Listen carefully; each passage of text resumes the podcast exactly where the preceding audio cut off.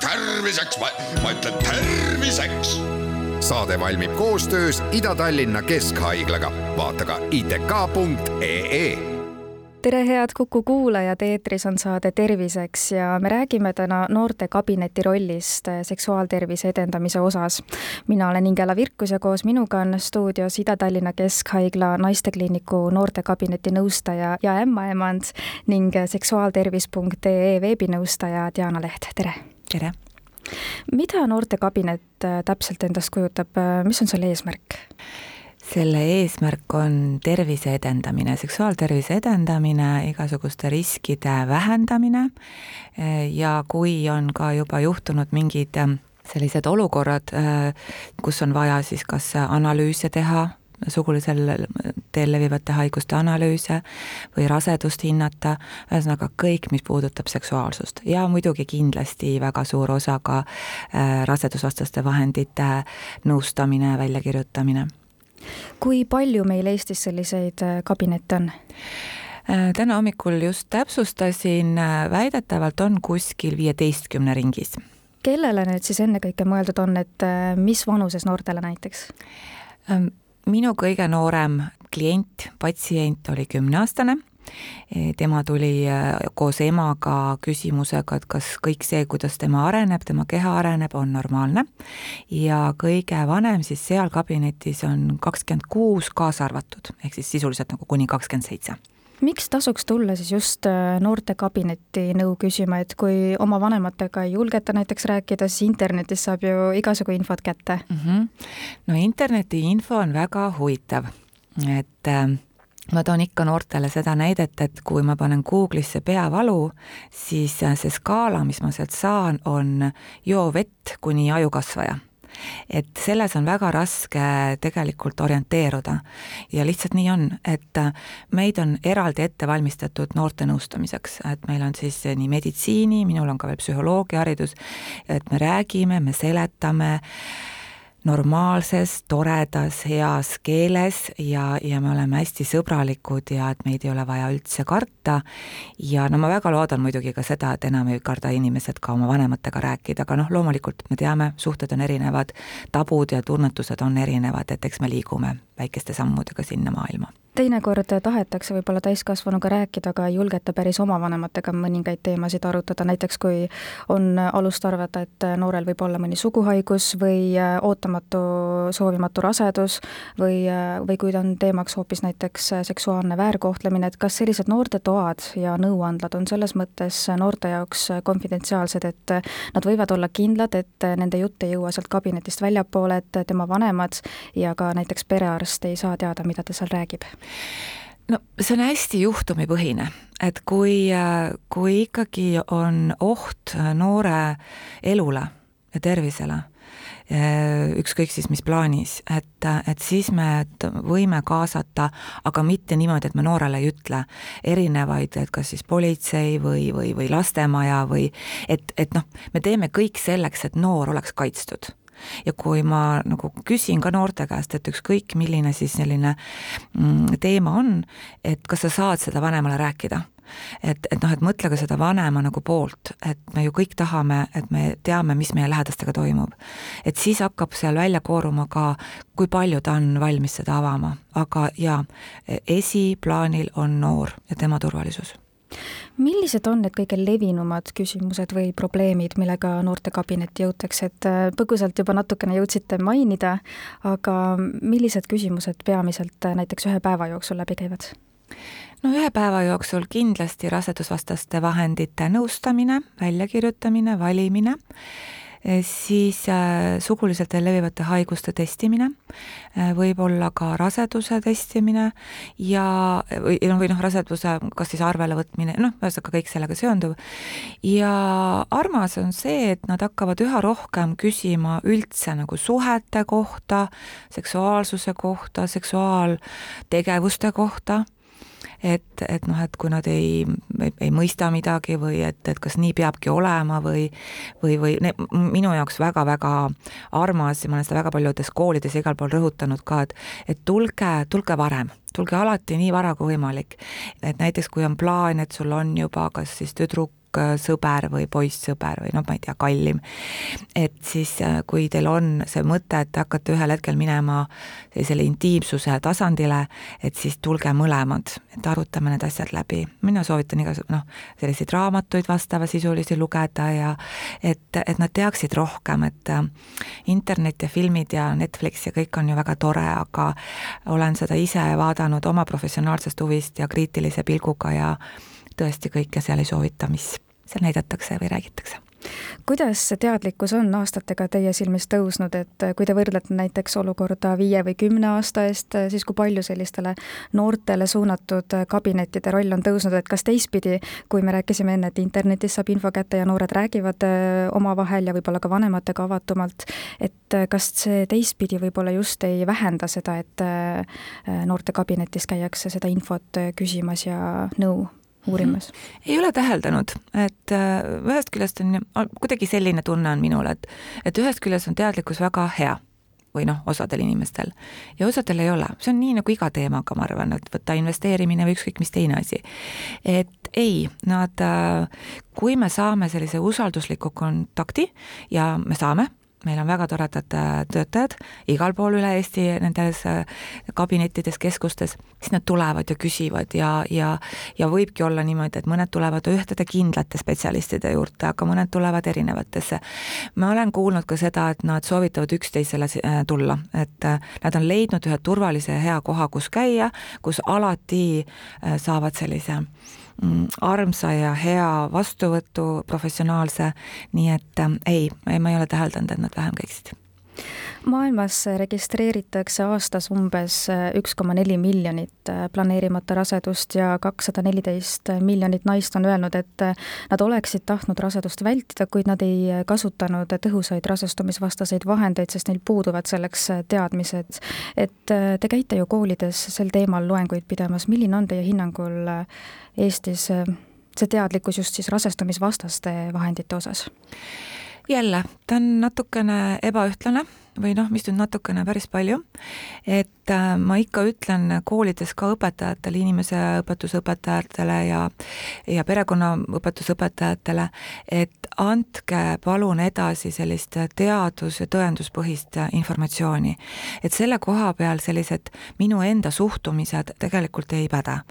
et ja kui ei oska, ise ei saa, siis kutsuge meid äh, Eesti Seksuaaltervise Liidust, meie kliinikust, Ida-Tallinna Keskhaiglas, neid kohti ikka on, et, et just, et ennetada neid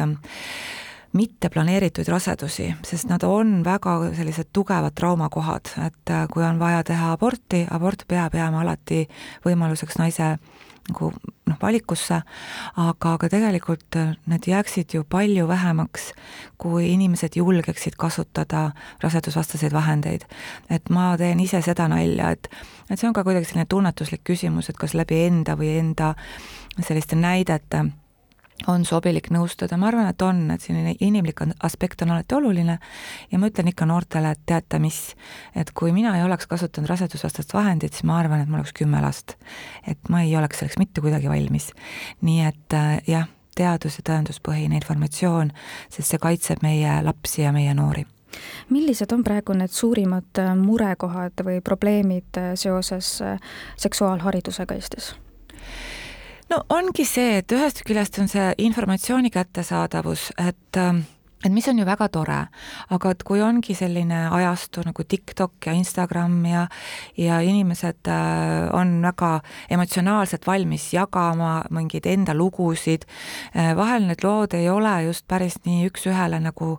ka neile endile tundub, et ma üldse ei vähenda ega ei halvusta, aga lihtsalt kui ma äh, nõustamisel ka saan teada seda kõike, siis äh, inimesed jagavad, aga nad ei mõtle seda vastutuskohta, et ma räägin kellelegi, et et, et oi, et ma kasutasin mingit rasedusvastast vahendit ja siis juhtus niimoodi ja, ja näiteks mingi noorem sõbranna või siis ka samaealine ütleb, et aa, selge, see on ohtlik mina ütlen täna nõustajana, et aga teate, mul on tuhandeid lugusid, kus me valime esimese või teise või kolmanda rasedusvastase vahendi, ühe naise elus võib olla äh, olukord, kus valitakse seda kuni kümme korda, selles ei ole midagi valesti, ja kõik on hästi. Ei ühtegi kõrvaltoimet. mulle tulevad nii paljud noored, kuna ma kutsun alati, kui me oleme selle vahendi valinud, äh, tagasi nõustamisele, et kuidas see sobib sest hästi tolu-, oluline on teha see järelkontroll. ja nad tulevad ja ütlevad, et nad on nii rahul, et neil on, neil on mingi nii oluline osa elus, mida nad nüüd ise juhivad ja haldavad. sest et võtta kas või see, et, et öelda naistele, et kasutage kondoomi, no kes tegelikult seda kondoomi kasutab, et naiste kondoomid on küll olemas, internetis tellitavad, aga see jääb hästi palju nagu mehe ja noormehe teha. nii et, et need on sellised nagu raskemad kohad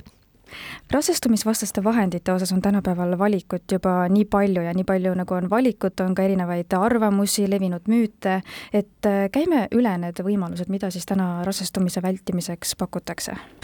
jaa, nende põhimõtted on äh, nagu põhimõtteliselt samad, nad kaitsevad väga hästi ja efektiivselt ja tõhusalt äh, raseduse vastu, kui inimene ei soovi rasestuda. Äh, lihtsalt need vahendid on erinevad, et on siis olemas emakasisene spiraal,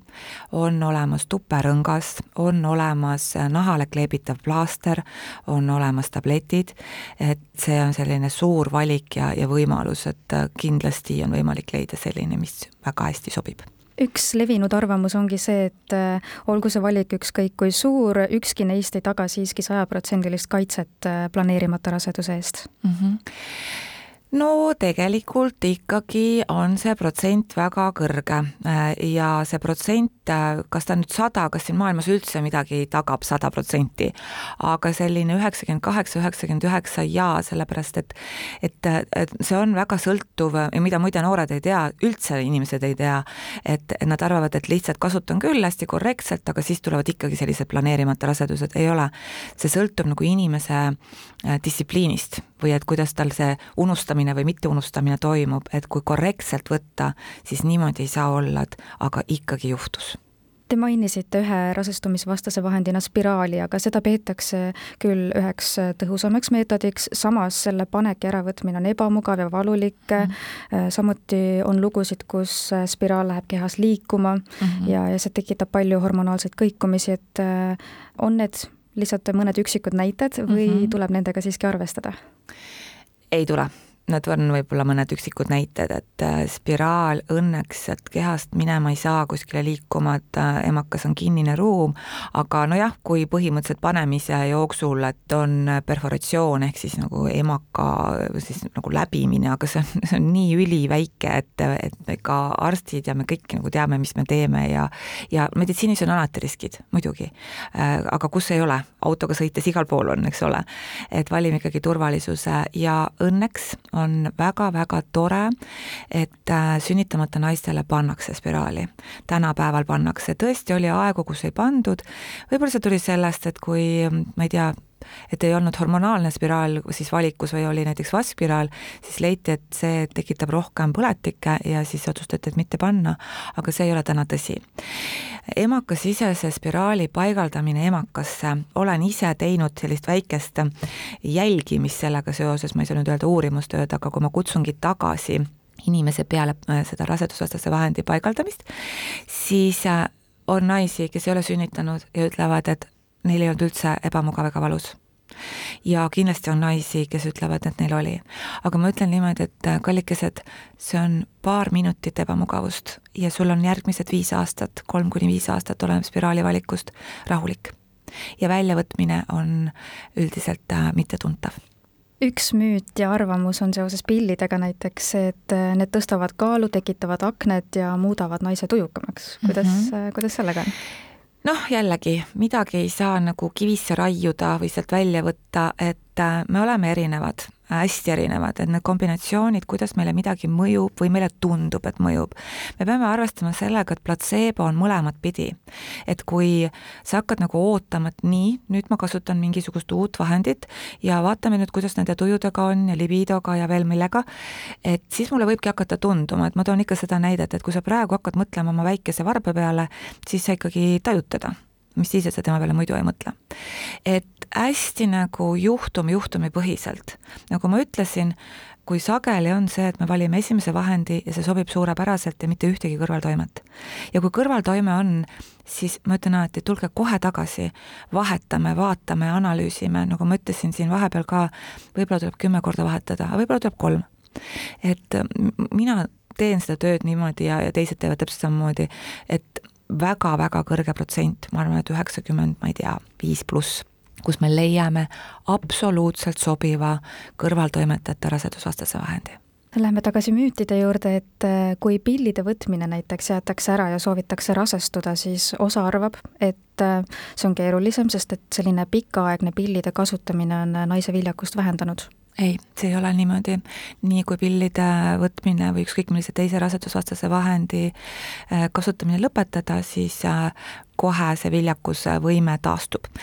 No kohe, kuu-paariga kindlasti. aga jah, jällegi seda on jagatud või mõnikord inimesed seostavad seda sellega, et et näed, et võtsin viis aastat näiteks pille ja, ja pärast ei jäänud paar aastat rasedaks. aga me peame nagu arvestama, et praegu on ka niimoodi, et ega need, viljakused on ka teistel põhjustel langenud ja ma toon ka selle näite, et aga kui inimene näiteks ei ole kasutanud mitte kunagi rasedusvastast vahendit, aga ta ikkagi ootab oma esimest rasedust viis, kuus, ma ei tea, kümme aastat, et siis millega me seda seostame? hormonaalsed rasestumisvastased vahendid suurendavad rinnavähi teket, on järgmine müüt jah, lugesin ka täna hommikul paari äh, uuringut selles osas, aga sellega on niimoodi, et äh, meditsiin areneb kogu aeg tohutu kiirusega äh,. rasedusvastased vahendid on olnud maailmas äh, kasutusel viiskümmend, kuuskümmend aastat, eks ole. et äh, me valime neid niimoodi, et kui see oodatav kasu kaalub üles selle hüpoteetilise kahju, siis me valimegi selle. et rinnavähil on veel väga-väga palju põhjuseid, esikohal on siiski geneetilised põhjused ja põhimõte on ju ka see, ükskõik, kas on rinnavähk, emakakaelavähk, et naised ja mehed, me peame käima korrapärases kontrollis et see, et tõuseb risk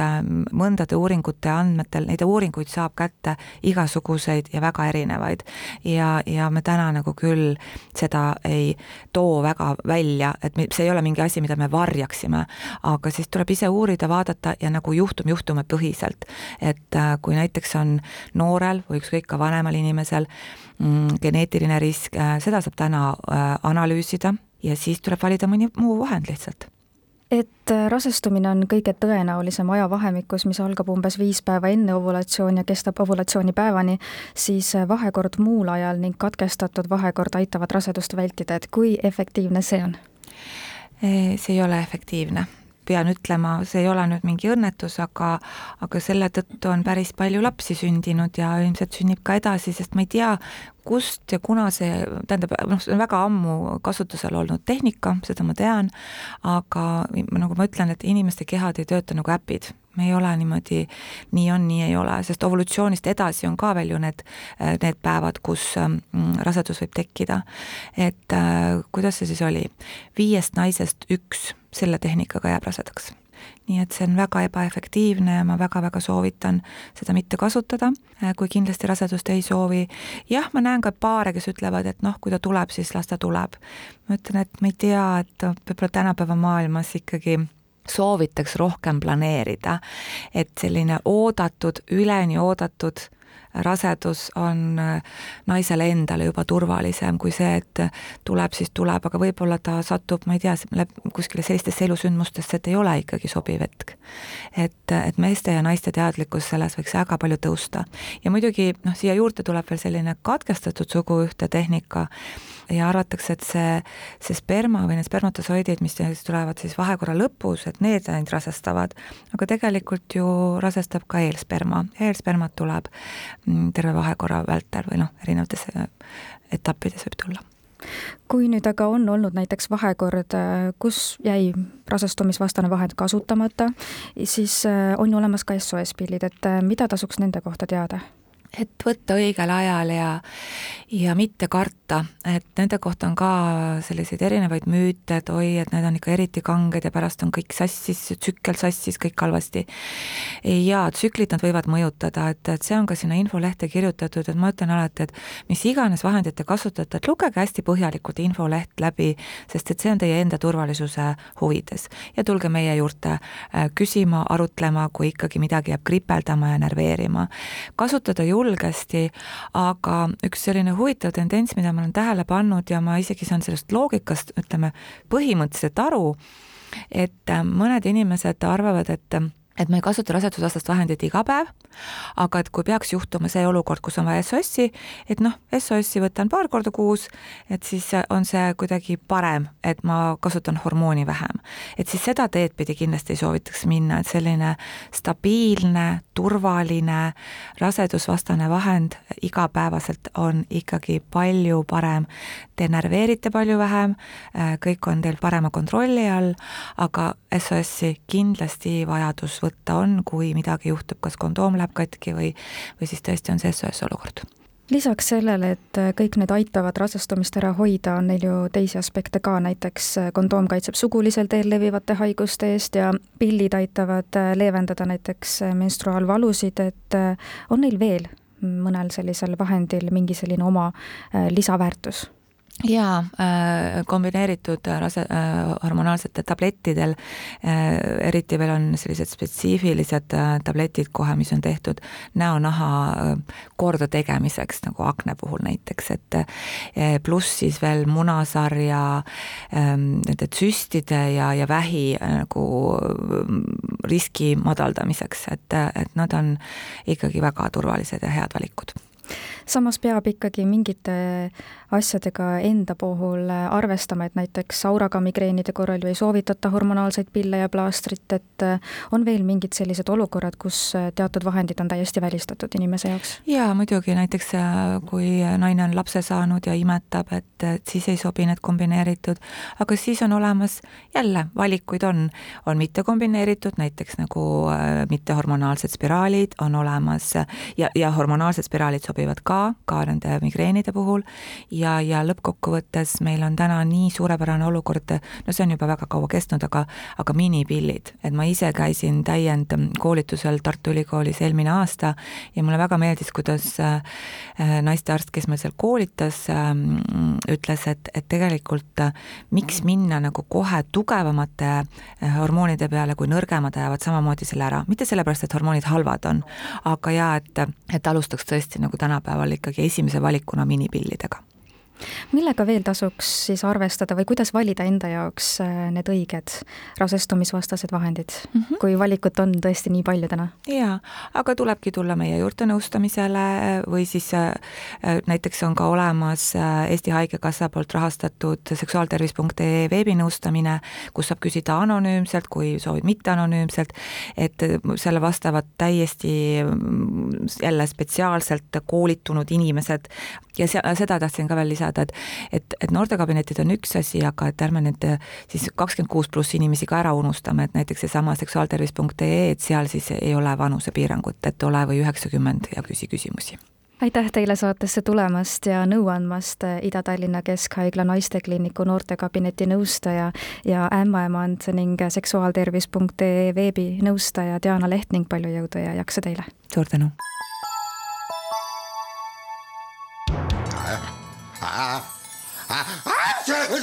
Terviseks, ma, ütlen terviseks. saade valmib koostöös Ida-Tallinna Keskhaiglaga, vaata ka itk.ee